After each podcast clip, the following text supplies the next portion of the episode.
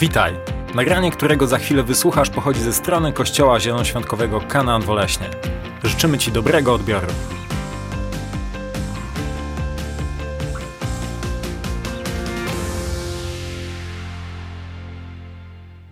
Dziękuję, witam Was e, wszystkich bardzo serdecznie. Dzisiaj, tak jak Mateusz powiedział, e, jest Mikołaj i mój najmłodszy syn e, Filip, który jutro ma 10 lat.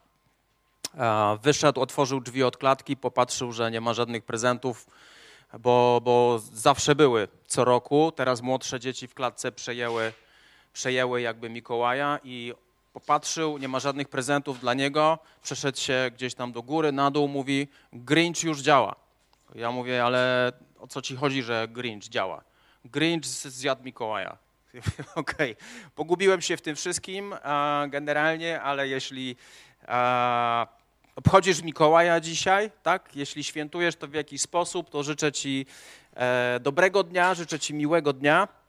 A przechodząc konkretnie do, do naszego tematu, zbliżają się święta. Mamy dzisiaj 6 grudnia, święta są coraz bliżej i generalnie odnośnie e, naszej serii, czyli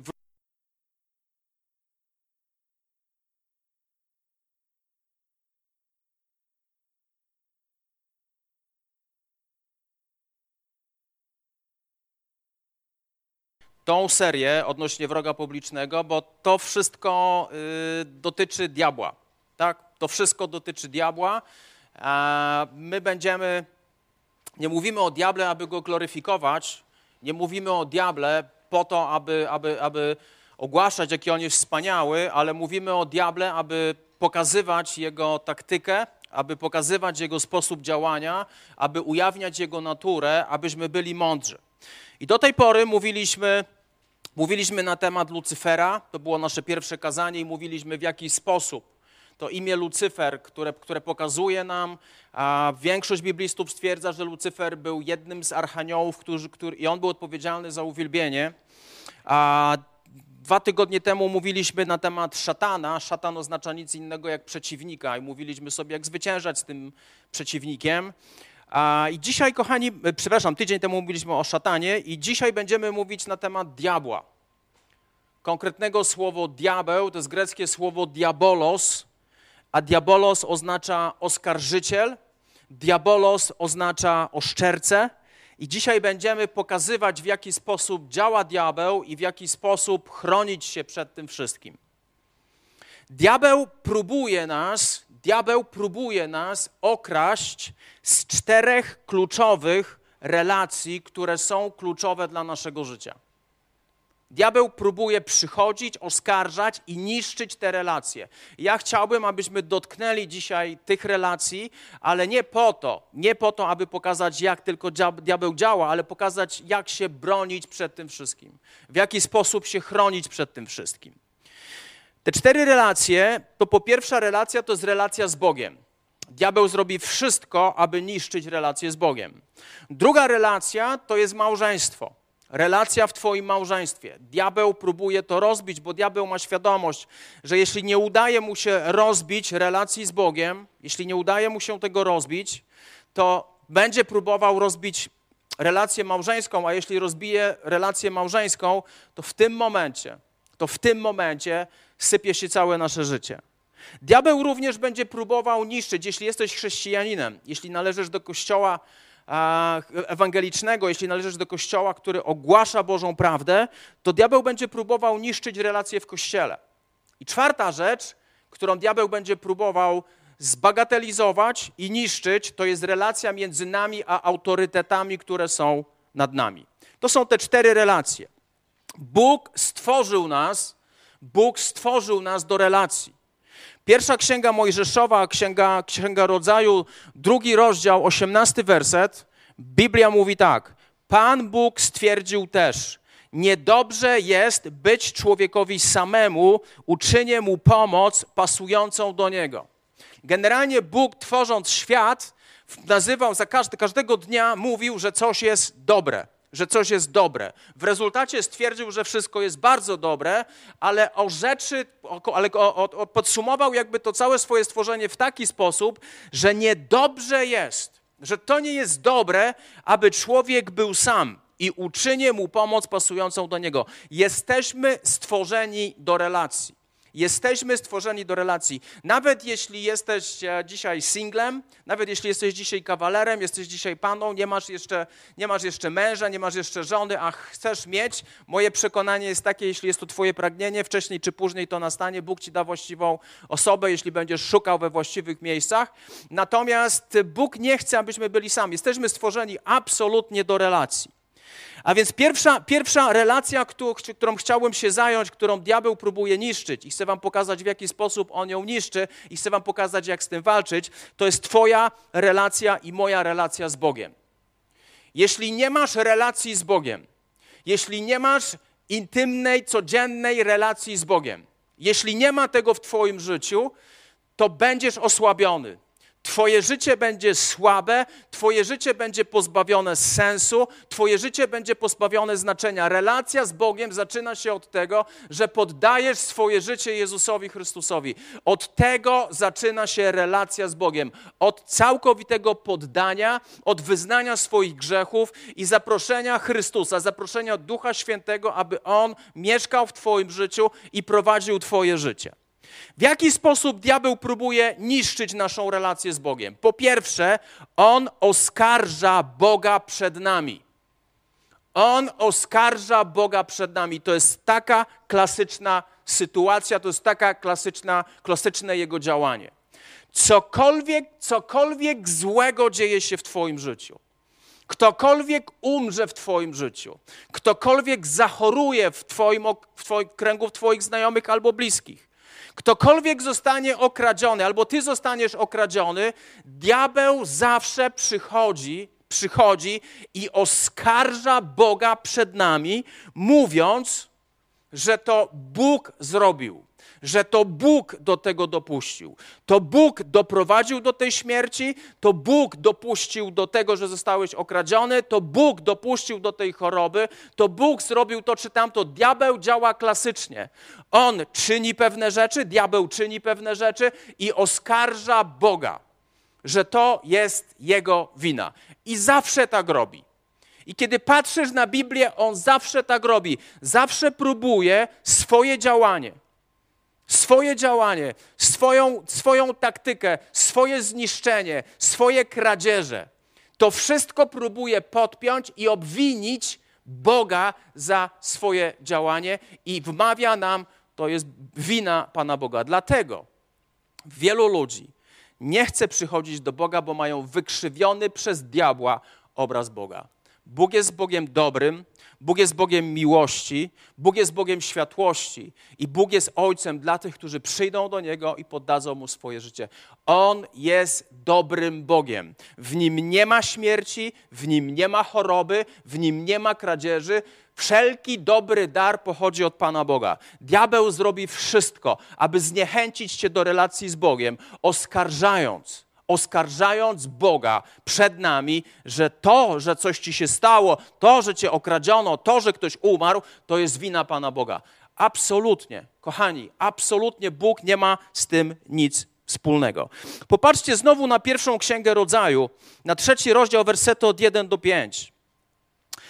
Biblia mówi tak: Wąż natomiast był przebieglejszy niż wszystkie inne zwierzęta stworzone przez Pana Boga Zapytał on kobietę. Popatrzcie. Diabeł wybrał sobie w ogrodzie Eden, diabeł wybrał sobie jedno zwierzę. Tym zwierzęciem był wąż. Wąż jest sprytny, wąż działa w tajemny sposób, wąż działa w szybki sposób, wąż atakuje i się odsuwa. Wąż jest. Dlaczego, dlaczego, dlaczego diabeł wybrał węża? Dlaczego wybrał węża? Bo natura węża to jest właśnie natura, natura diabła. I dalej Biblia mówi tak. Zapytał ten wąż, zapytał kobietę, czy rzeczywiście Bóg powiedział, że nie wolno wam jeść owoców z żadnego drzewa ogrodu. Kobieta odpowiedziała: Możemy jeść owoce z drzew w ogrodzie. Bóg zabronił nam, jedynie jeść owoce z drzewa, które rośnie w środku ogrodu. Polecił. Nie jedzcie z niego, ani go nie dotykajcie, abyście nie pomarli. Wówczas wąż zapewnił kobietę: Na pewno nie pomrzecie. Bóg wie, że gdy tylko zjecie z tego drzewa, otworzą się wam oczy i staniecie się jak Bóg. Poznacie dobro i zło. To jest pierwsza sytuacja, kiedy diabeł oskarża Boga o kłamstwo. Diabeł oskarża Boga o kłamstwo. Zadaje pytanie, czy na pewno Bóg tak powiedział? Nie, jak zjecie, na pewno nie umrzecie. Diabeł podważa. Diabeł podważa działanie Boga. Diabeł podważa dobroć Boga. Diabeł podważa prawdomówność Boga. Diabeł zawsze będzie oczerniał Pana Boga i to jest od samego, od samego początku. I zauważcie, człowiek upada, człowiek poddaje się tej diabelskiej pokusie i co się dzieje? Pojawia się pierwszy grzech. Pierwsza księga Mojżeszowa, trzeci rozdział, werset od 7 do 11, Biblia mówi tak. Kiedy Adam i Ewa zgrzeszyli, Biblia mówi tak. Wówczas otworzyły się oczy im obojgu i zobaczyli, że są nadzy. Oni byli nadzy od samego początku, ale w pewnym momencie, kiedy zgrzeszyli, kiedy zgrzeszyli, dostrzegli, że są nadzy i w tym momencie zaczęło im to przeszkadzać, pojawił się wstyd. Spletli więc figowe liście i sporządzili sobie z nich przepaski. Wkrótce jednak usłyszeli Pana Boga. Przechadzał się on po ogrodzie w powiewie dnia. Sły, słysząc to, człowiek ukrył się wraz z żoną przed Panem Bogiem między drzewami ogrodu. Jednak Pan Bóg zaczął wołać człowieka: Gdzie jesteś? A on na to: Usłyszałem, że jesteś w ogrodzie i przestraszyłem się, bo jestem nagi. Dlatego ukryłem cię. Kto ci powiedział, że jesteś nagi? zapytał Bóg. Czy zjadłeś owoc z drzewa, z którego zakazałem ci jeść? To jest jedna z bardziej dramatycznych sytuacji w Bożym Słowie. Bóg codziennie się przechadzał. Ja, ja jestem przekonany, że Bóg codziennie się przechadzał po ogrodzie. Że Bóg codziennie miał relacje z Adamem i Ewą, rozmawiał z nimi, oni go słyszeli. Ogród Eden był bez skazy, był czysty. Dopóki nie pojawił się szatan, dopóki człowiek nie uległ pokusą szatana, dopóki człowiek nie poddał się temu, co diabeł mu sugerował. Dopóki człowiek nie, nie uwierzył, że Bóg wcale nie jest taki, jak mówi o sobie. Że Bóg jest kłamcą, że Bóg nie jest, że Bóg nie jest prawdomówny, że Bóg po prostu próbuje okraść człowieka z radości i w tym momencie Bóg przychodzi, kiedy człowiek zgrzeszył, przychodzi Bóg i szuka człowieka. I widzimy jedną rzecz, która niestety jest naszym dziedzictwem. Mamy skłonność do grzechu, mamy skłonność do grzechu i kiedy grzeszymy, pojawia się wstyd, widzimy swoją nagość i nie chcemy swojej nagości, nie chcemy pokazywać nikomu z tego, kim naprawdę jesteśmy, nie chcemy autentyczności, zaczynamy się wstydzić tego, kim jesteśmy. Pojawia się strach, zaczynamy się bać Pana Boga, szczególnie bliskości Pana Boga Zaczynamy uciekać przed Panem Bogiem, zamiast zbliżać się do Niego, uciekamy, bo zbieramy konsekwencje grzechu, właśnie wstyd, właśnie strach. I potępienie powoduje, że zaczynamy uciekać od Pana Boga, kiedy Bóg mówi: Przyjdź do mnie, przyjdź do mnie taki, jaki jesteś, przyjdź do mnie, nie uciekaj. Diabeł zrobi wszystko, aby oddzielić cię od Boga. I pierwsza rzecz, którą on robi, pierwsza rzecz, którą on robi, to jest to, że próbuje oczernić Pana Boga. Drugi list do Koryntian, 10 rozdział, wersety od 3 do 5. Drugi list do Koryntian, 10 rozdział, wersety od 3 do 5. Apostoł Paweł podaje nam remedium, podaje nam lekarstwo, podaje nam wyjście z tej sytuacji. Bo chociaż żyjemy w ciele, mówi Paweł, nie walczymy według ciała. Narzędzia naszej walki nie są cielesne, a jednak za sprawą Boga mają moc burzenia warowni. Nimi też burzymy wrogie zamiary i wszelką zuchwałość, podnosząc się przeciw poznaniu Boga. Zna, nimi zniewalamy każdą myśl do posłuszeństwa Chrystusowi. Widzisz, to, że diabeł będzie atakował Twój umysł różnymi myślami, różnymi pytaniami, czy na pewno Bóg powiedział, czy na pewno Bóg powiedział, czy na pewno to jest złe dla ciebie, a jeśli, jeśli, jeśli to zrobisz, czy na pewno to będzie złe, na pewno nie będzie takich konsekwencji, jak myślisz. I ciągle diabeł podważa. Ciągle diabeł podważa, ciągle diabeł przychodzi do Twojego umysłu, miesza w Twoich myślach, i dlatego Paweł mówi taką jedną kluczową rzecz. abyś zniewalał każdą myśl do posłuszeństwa Jezusowi Chrystusowi. Bóg dał nam niesamowitą zdolność.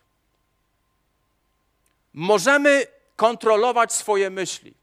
Możemy kontrolować, czy otworzymy drzwi dla danej myśli nas, do naszego umysłu, czy otworzymy drzwi, czy będziemy trzymać drzwi zamknięte. Ja mogę powiedzieć, że ja nie przyjmuję tej myśli. Jako chrześcijanin Bóg mi daje autorytet, autorytet nad diabłem, daje mi autorytet nad każdą myślą i mogę powiedzieć, ja nie przyjmuję tej myśli. To jest fałszywa myśl, ja tego nie chcę, ja tego nie przyjmuję. I w imieniu Jezusa to odrzucam. Jimmy Evans powiedział mądrą rzecz. Jeśli nie, po, jeśli nie zniewalamy naszych myśli i nie poddajemy ich w posłuszeństwo Chrystusowi, wtedy myśli zniewolą nas. Jeśli nie poddajesz swoich myśli Jezusowi Chrystusowi, nie poddajesz w niewolę myśli Jezusowi Chrystusowi, w posłuszeństwo Jezusowi Chrystusowi, wtedy staniesz się niewolnikiem swoich myśli. Wtedy one będą kontrolować ciebie. Myśl, która nie jest zgodna z Bożym Słowem, nie pochodzi od Boga. Powiem ci, co pochodzi od Boga. Skoro Bóg jest dobry, to to, co jest dobre, dobre myśli, pochodzą od Pana Boga.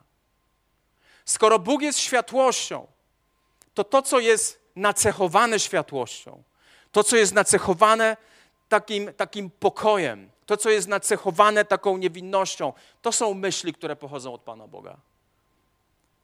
Skoro Bóg jest miłością, to Boże myśli zawsze będą nawoływały Cię do przebaczenia, Boże Słowo będzie nawoływać Cię do przebaczenia, do uniżenia, do pokory, do docenienia człowieka bardziej niż Twoje racje, docenienia bardziej relacji z drugim człowiekiem niż wygrania jakiej, jakiejś kłótni.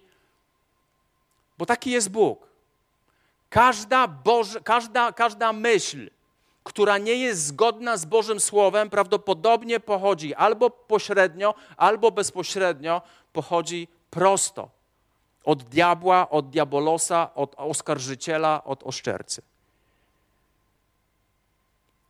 Druga rzecz, którą, którą robi diabeł w kontekście burzenia relacji z Bogiem, po pierwsze, diabeł oskarża Boga przed nami oczernia jego, jego, jego postać, oczernia jego charakter, zrzuca wszystko, co jest złe, że to Bóg zrobił. I my żyjemy w takim społeczeństwie i często sąsiadka mówi, jak coś się komuś dzieje, czemu Bóg mu to zrobił, czemu Bóg go zabrał, czemu Bóg tamto. Jakby Bóg nie miał nic innego do roboty, jak tylko karać ludzi, a później mówić o sobie, że jest miłością, że jest światłością, że jest dobry i to, że On oddaje swojego Syna po to, abyśmy byli zbawieni. To jest nielogiczne.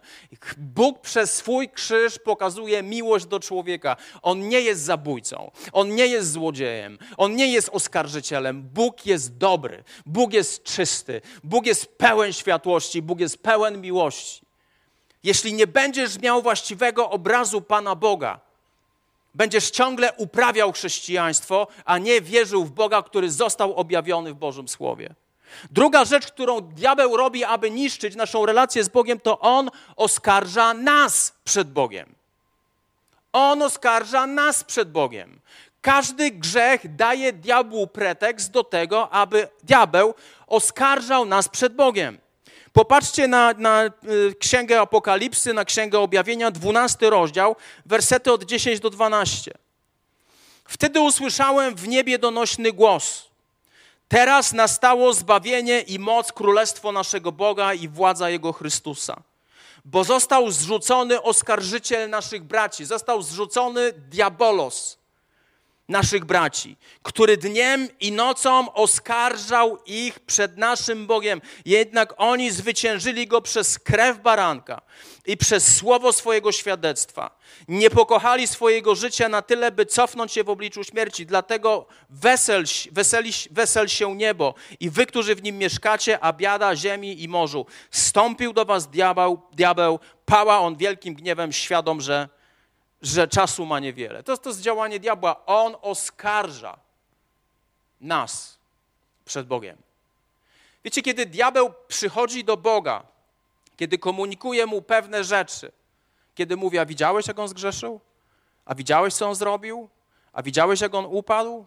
A widziałeś, że jego małżeństwo kuleje? A widziałeś jej zachowanie? A słyszałeś te przekleństwa? A widziałeś, co on zrobił? A widziałeś, że tyle razy ci obiecywał, że już nigdy tego nie zrobi, a znowu to zrobił? A widziałeś, że zarzekał się, że nigdy nie zgrzeszy w ten sposób, a to zrobił? Widziałeś to?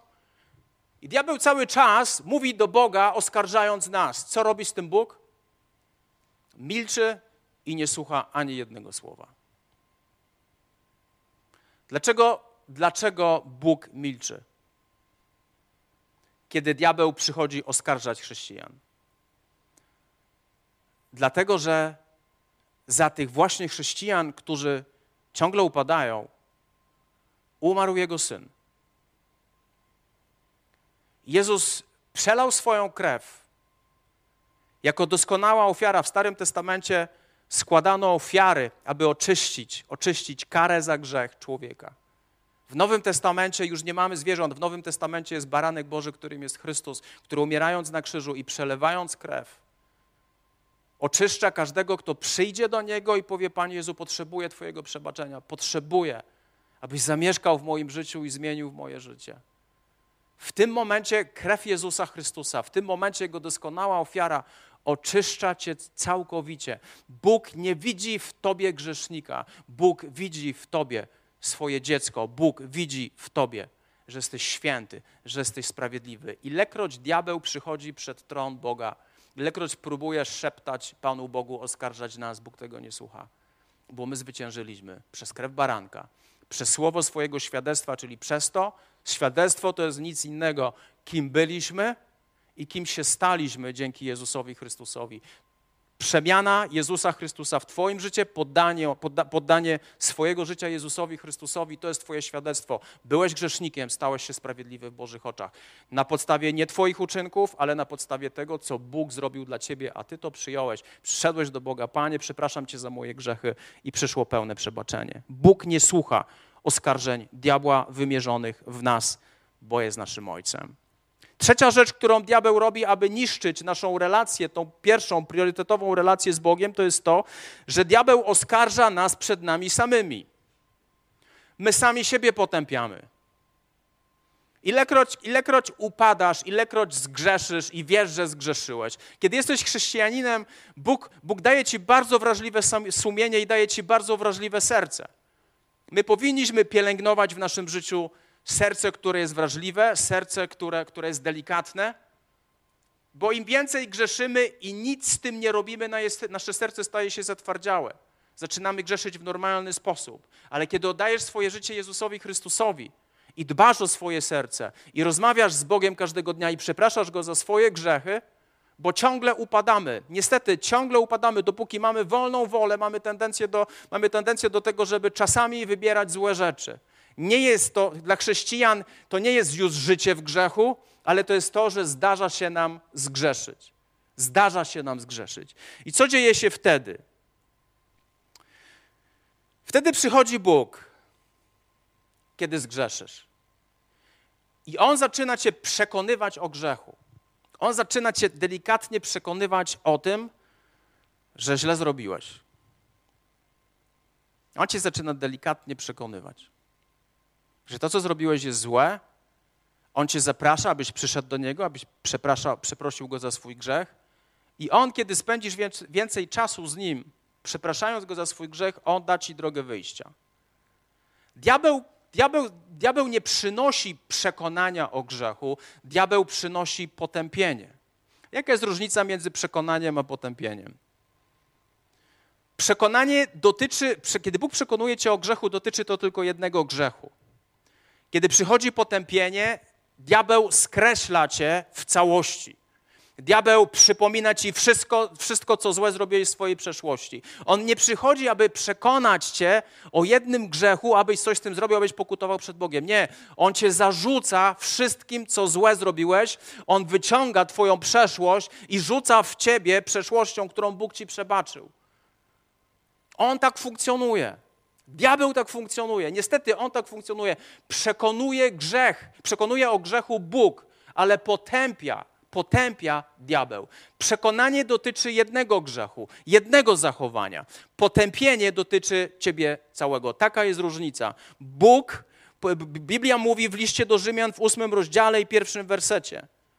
Teraz zatem nie ma żadnego potępienia dla tych, którzy są w Chrystusie Jezusie. Kim są ci, którzy są w Chrystusie Jezusie? W Chrystusie Jezusie są ci, którzy przyszli i poddali Mu swoje życie.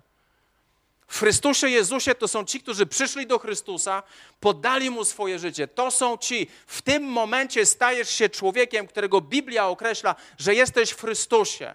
Że Bóg nie patrzy na ciebie przez pryzmat Twoich grzechów, ale Bóg patrzy na ciebie przez pryzmat tego, co zrobił Jezus dla ciebie. Przez pryzmat Jego przelanej krwi za Twoje, grzech, za twoje grzechy. Przez pryzmat spłaconej kary za Twój grzech. Wtedy jesteś w Chrystusie. I to jest dostępne dla każdego z nas. Tylko w Chrystusie jesteś bezpieczny. Jesteś wolny od potępienia, mówi Paweł. Diabeł zrobi wszystko, aby trzymać cię z dala od relacji z Bogiem. Pamiętacie? Oskarża Boga przed nami. Następnie oskarża nas przed Bogiem, a następnie oskarża nas przed samymi sobą. Nie wiem, czy kojarzysz historię o synu marnotrawnym. Kiedy syn marnotrawny zdał sobie sprawę z tego, że zgrzeszył, że upadł, Biblia mówi o tym, że wstał i szedł w stronę ojca, aby przeprosić ojca, aby pojednać się z ojcem. Kiedy był w drodze powrotnej do ojca, w pewnym momencie zobaczył, że ojciec zaczął biec w jego stronę. Kiedy ojciec zaczął biec w jego stronę, ojciec rzucił się na szyję swojemu synowi przytulił go, odbudował go i całkowicie mu przebaczył. My bardzo często, kiedy grzeszymy, czekamy dzień, dwa, trzy, zanim przyjdziemy z tym do Boga. Kiedy zostawiasz, Bogu, kiedy zostawiasz diabłu czas, grzeszysz i nic z tym nie robisz i zostawiasz diabłu czas, wtedy przychodzi jego potępienie. Bóg chce, aby w momencie, kiedy upadniesz, abyś od razu biegł do niego.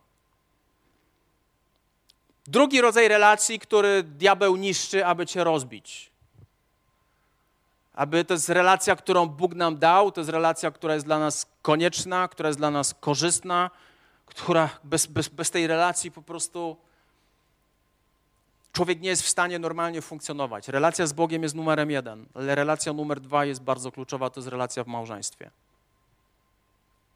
Relacja w małżeństwie. Ja jestem w związku małżeńskim prawie 21 lat. I małżeństwo to nie jest hollywoodzki model relacji. To nie jest hollywoodzki model relacji. Że wszystko zawsze jest pięknie, że zawsze jest ekstra, że jest wszystko cudownie, że 90% małżeństwa to jest seks, a 10% to są obowiązki. Jest zupełnie odwrotnie. Jest zupełnie odwrotnie. 10% to są przyjemności, intymność i seks, a 90% to są trudne obowiązki. Diabeł zrobi wszystko, aby rozbić Twoje małżeństwo. Co masz zrobić? Co masz zrobić i co próbuje robić diabeł, aby nie dać się okraść? Oczywiście moglibyśmy mówić o tym wiele godzin. Ja powiem o tym w 10 minut. Jeśli wprowadzimy to w życie, przyniesie to zmianę.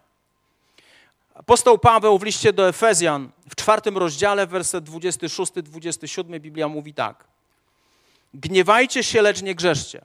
Innymi słowy, to co mówi Paweł, czasami się pokłócicie, czasami będzie w was gniew, będzie w was gniew, czasami powiecie to, coś za dużo, czasami kogoś obrazicie, czasami rzucisz słowo, którego nie powinieneś rzucać, którego nie powinieneś wypowiadać i później wypowiadasz to słowo i chcesz je cofnąć z powrotem, ale się już nie da, już się nie da. Gniewajcie się, mówi Paweł, ale nie grzeszcie. Dlatego, że nie jesteś w stanie zatrzymać gniewu. Gniew staje się niebezpieczny, kiedy tracisz kontrolę nad gniewem. Gniew chce, abyś poszedł dalej, abyś przeszedł, abyś przeszedł w agresję. Gniew przechodzi do agresji, gniew przechodzi do nieprzebaczenia. I Paweł mówi: gniewaj się, pilnuj tego, ale nie grzesz. I to, co jest kluczowe, mówi Paweł, niech słońce nie zachodzi nad waszym gniewem. Dlaczego? I nie dawajcie diabłu przystępu. Nierozwiązane konflikty w małżeństwie, nierozwiązane trudności w małżeństwie, obrażanie siebie nawzajem i pójście spać to jest samobójstwo. to jest małżeńskie samobójstwo. Dlaczego? Wiecie, co się dzieje? Kłócisz się, jest normalny dzień, jak co dzień, kłócisz się, mąż z żoną się kłócą, jest wieczór, jest wieczór i teraz co zrobić? Idziesz razem spać, czy może idziesz osobno spać? Nie będę ukrywał, kilka razy nam się zdarzyło, że, że yy, Krysia spała w innym pokoju. Tak? Poszliśmy spać z gniewem. Poszliśmy spać z nierozwiązanym konfliktem. Wiem, że u was tak nie jest, ale u nas niestety się to, to, się to zdarzyło. Co się dzieje wtedy, kiedy nie rozwiązujesz konfliktu? Co się dzieje wtedy, kiedy idziesz zagniewany? Co się dzieje wtedy, kiedy kładziesz się spać z nieprzebaczeniem? Dajesz diabłu przystęp, po pierwsze. Dajesz diabłu przystęp do twojego życia. On przyjdzie, aby zarzynać, wytracać, okradać twoje życie. Diabeł, kiedy położysz się już spać, kiedy przyłożysz głowę do poduszki, to diabeł się pojawi i będzie oczerniał Twojego współmałżonka, będzie oczerniał Twojego współmałżonka, a Ty w to uwierzysz. A Ty w to uwierzysz. Diabeł będzie używał, używał tej sytuacji, która wydarzyła się w danym dniu, i będzie to wyciągał i będzie oczerniał Twojego współmałżonka i będzie Ci mówił, to był błąd, że wyszedłeś za nią. I zobacz, jak mógłbyś sobie inaczej ułożyć życie, gdyby, gdybyś miał, prowadził życie z, z inną kobietą. Diabeł przychodzi i będzie oczerniał Twojego współmałżonka w Twojej głowie. A Ty będziesz w to wierzył, bo diabeł zawsze używa argumentów, używa faktów, które się dokonały. Tego Paweł mówi: Niech słońce nie zachodzi nad waszym gniewem. Rozwiąż to. Jeśli nie rozwiążesz tego, to dzieje się jeszcze kolejna rzecz. Tracicie pożądanie względem siebie, tracicie pasję w swojej relacji. Kiedy mąż z żoną traci, tracą pasję względem siebie, to nie jest tak, że ta pasja znika. Ta pasja będzie przekierunkowana na coś innego. Ta pasja będzie przekierunkowana albo na innego inną osobę, albo ta pasja będzie przekierunkowana na pornografię, albo ta pasja będzie przekierunkowana na jakąś emocjonalną relację poza waszym małżeństwem. Kiedy nie kładziesz się spać zagniewany, kiedy nie rozwiązujesz na bieżąco konfliktów i idziesz z nieprzebaczeniem. Po pierwsze, diabeł będzie oczerniał twojego współmałżonka, a po drugie, będziesz tracił, będziesz tracił porządliwość, wpadniecie w taki dziecinny system, który nazywa się ciche dni. Powiem ci tak, jak macie w małżeństwie ciche dni, to czas dorosnąć. Czas dorosnąć. Wasze dzieci się patrzą na wasze ciche dni i wpisują sobie taki model funkcjonowania, że tak będą robić w swoim małżeństwie również. Ciche dni. Są jeszcze tak zwane fochy bardzo popularna forma wyrażania swoich emocji, szczególnie w wieku przedszkolnym. Albo dla ludzi z dojrzałością przedszkolaka, jeśli chodzi o małżeństwo. Unikanie kontaktu wzrokowego.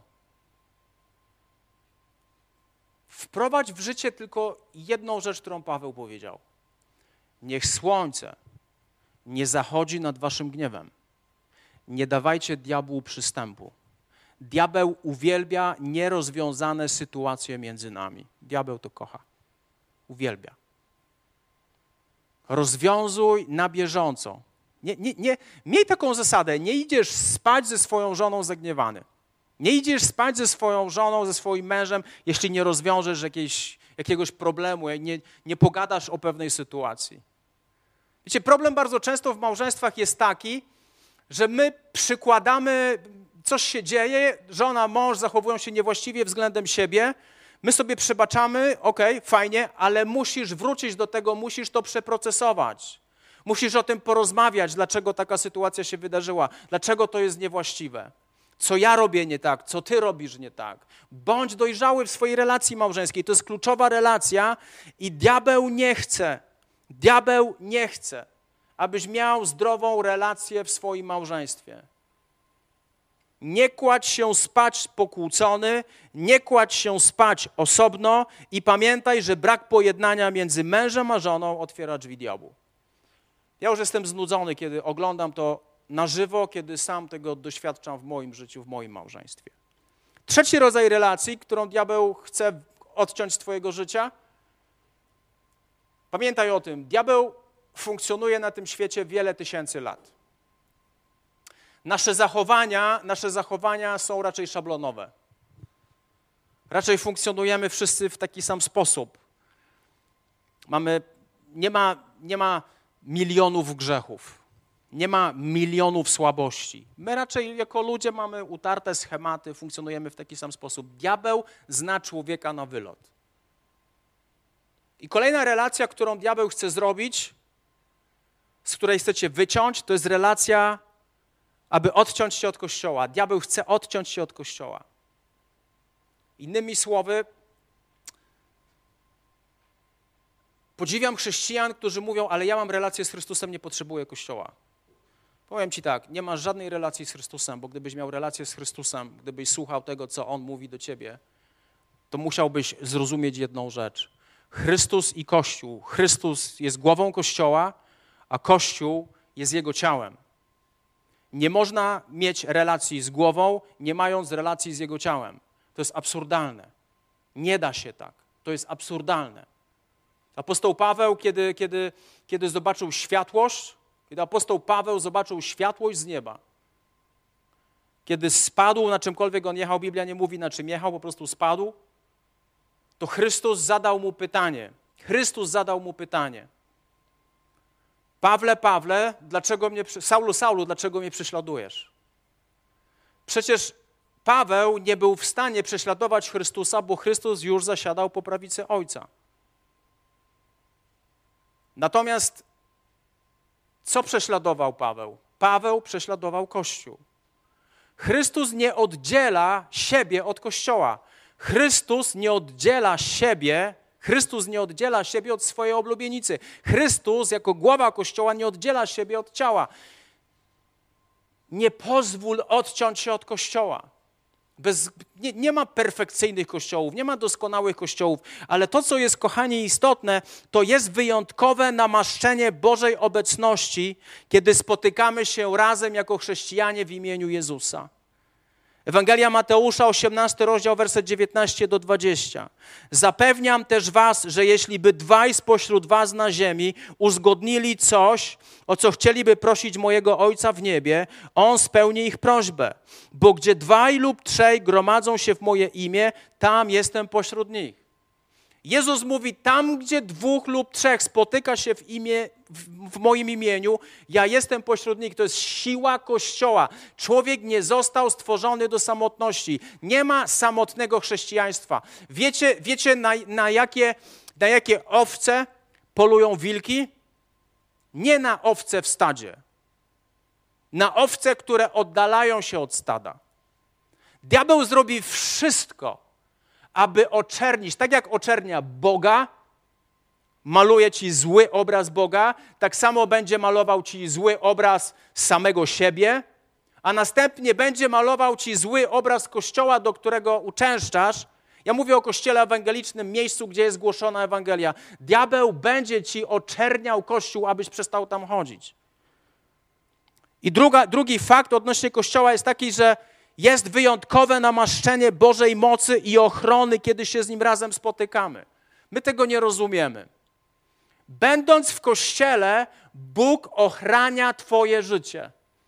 Jest specjalna ochrona nad Twoim życiem, kiedy jesteś częścią Kościoła, który wyznaje wiarę w Jezusa Chrystusa, który trzyma się Bożego Słowa, który wyznaje, że dla człowieka konieczne jest zbawienie. To zbawienie dokonuje się nie na podstawie sakramentów, ale na podstawie przez wiarę, z łaski przez wiarę.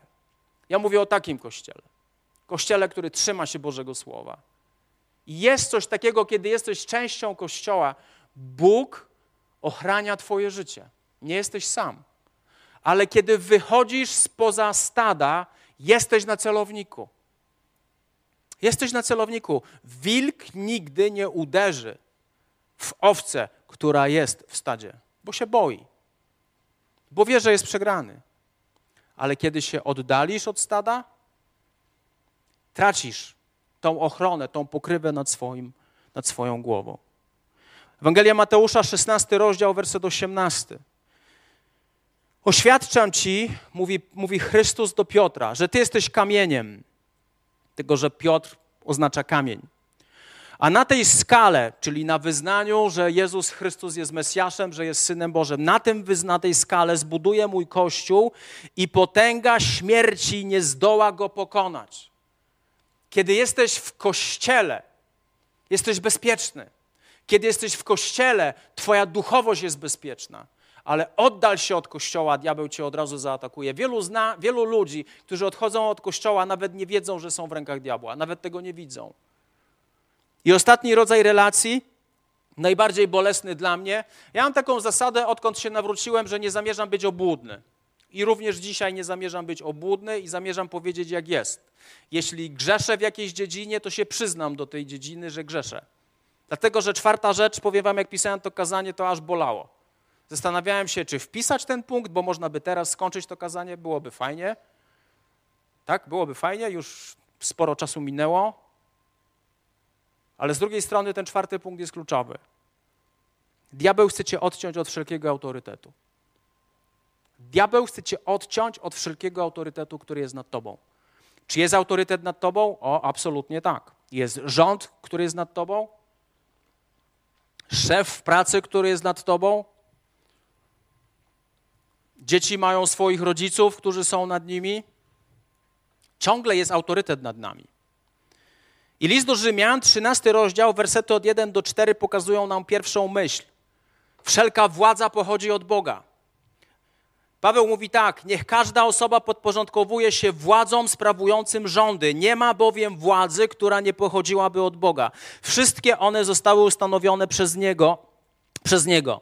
Dlatego kto się opiera władzy, przeciwstawia się Bożemu rozporządzeniu. Ci natomiast, którzy się przeciwstawiają, sami na siebie ściągają wyrok. Rządzą, rządzący przecież nie są postrachem dla dobrych, ale dla złych. Chcesz się nie bać władzy? Czyń dobrze, a będziesz miał od niej pochwałę. Władza bowiem jest na służbie u Boga dla Twojego dobra.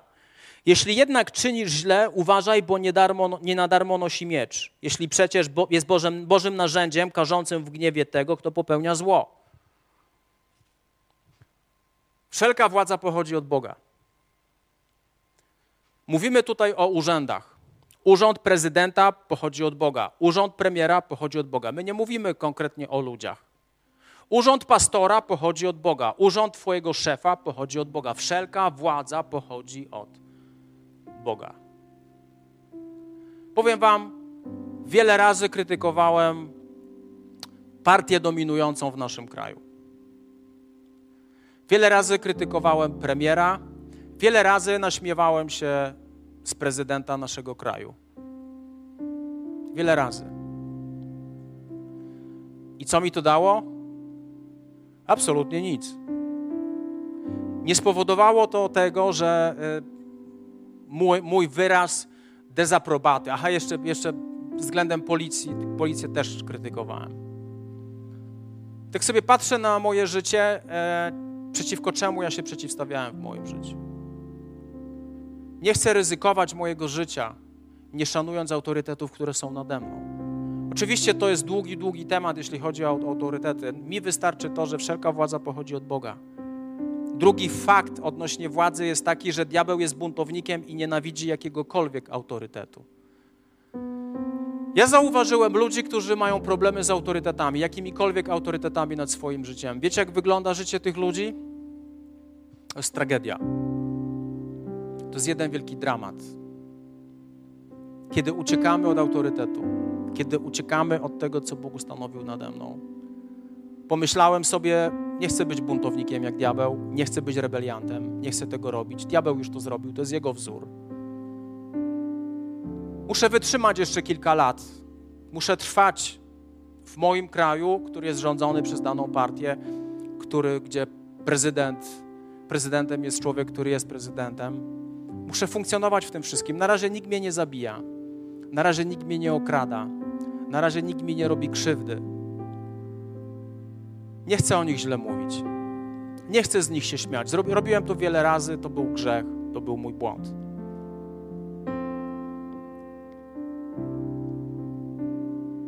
Jan powiedział w swoim liście, w czwartym rozdziale, siódmym wersecie. Podporządkowujcie się zatem Bogu, a przeciwstawcie się diabłu, a od was ucieknie. Poddanie się Bogu oznacza się również, również poddanie się Jego zasadom, poddanie się Jego autorytetom, poddanie się Jego przykazaniom. Jeśli my nie jesteśmy poddani Bogu, jesteśmy bezbronni względem diabła. Jakub mówi: poddajcie się Bogu. Jeśli poddajesz się Bogu, jeśli Twoje życie jest poddane Bogu, zanurzone w Bogu, jeśli jest uniżenie w Tobie, wtedy możesz przeciwstawiać się diabłu. Wtedy możesz przeciwstawiać się diabłu. Cztery relacje, gdzie oskarżyciel próbuje ciągle i ciągle i ciągle mieszać. Diabeł oskarża Boga, oczerniając Boga przed nami. Diabeł oskarża nas samych, kiedy my upadniemy. Diabeł oskarża przed Bogiem nasze błędy. Diabeł próbuje niszczyć nasze relacje w małżeństwie. Diabeł próbuje niszczyć nasze relacje w kościele. Diabeł próbuje niszczyć nasze relacje w kontekście autorytetu. Jeśli chcesz zwyciężać w swoim życiu, jeśli chcesz rozumieć, jeśli chcesz rozumieć, jak zwyciężać diabła, uniżenie jest kluczem. Obnażanie jego sposobów działania, nieprzyjmowanie oskarżeń, które on wrzuca tobie względem ludzi, względem przywódców, względem polityków, tego wszystkiego, autorytetów, które są nad nami. Uniżenie jest kluczem. Szkoda mi życia na bunt, który nie ma sensu. Szkoda mi życia, szkoda mi myśli, szkoda mi słów. Chcę dbać o te cztery relacje: relacje z Bogiem, relacje z moją żoną, relacje z Kościołem, relacje z autorytetami. Chcę budować te cztery relacje, chcę o nie dbać. Diabeł zrobi wszystko, aby je zniszczyć. On jest buntownikiem. Chciałbym, żebyśmy pomodlili się w taki sposób, a dużo rzeczy było powiedzianych, dużo rzeczy do przemyślenia. Chciałbym, abyś popatrzył na to kazanie, spędził czas z Bogiem, niech Bóg pokazuje Ci, gdzie pewne rzeczy musisz może wyprostować, gdzie musisz przeprosić, gdzie musisz zmienić. Chciałbym się o to pomodlić, aby Bóg Ci pokazał te obszary. Panie Jezu, ja chcę się modlić o każdą osobę, która tutaj jest, która ogląda nas online. Kiedykolwiek to kazanie będzie oglądane, ja modlę się, abyś Ty działał w sercu tych ludzi, którzy to oglądają. Panie, my nie chcemy, my nie chcemy poddawać się taktykom diabła. My nie chcemy ulegać oskarżeniu. My chcemy dbać, Panie, o te cztery relacje, które Ty nam dajesz, które wnoszą potężną przemianę do naszego życia. Relacja z Tobą, relacja w małżeństwie, relacja w kościele, relacja z autorytetami. Chcemy o to dbać i nie chcemy słuchać diabelskich oskarżeń, nie chcemy tego słuchać. Chcemy budować swoje życie Twoim słowem, Panie. I modlę się, święty królu, modlę się, święty królu, aby Twoja ręka, Twoja łaska, Panie, była nad nami. Abyśmy, Boże, funkcjonowali w Twoim autorytecie, abyśmy funkcjonowali pod Twoją ochroną, abyśmy nie byli ludźmi, którzy buntują się, ale żebyśmy przeciwstawiali się diabłu w imieniu Jezusa Chrystusa. Jeśli jesteś w tym miejscu, jeśli słuchasz tego, to chcę Ci coś powiedzieć, dopóki sam na podstawie własnej decyzji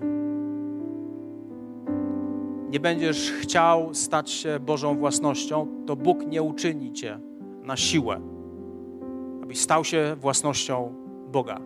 Bóg jest dżentelmenem. Bóg nie przyjdzie na siłę do Twojego życia. Bóg jest Bogiem, który dał Ci wolną wolę i On szanuje prawo wolnej woli.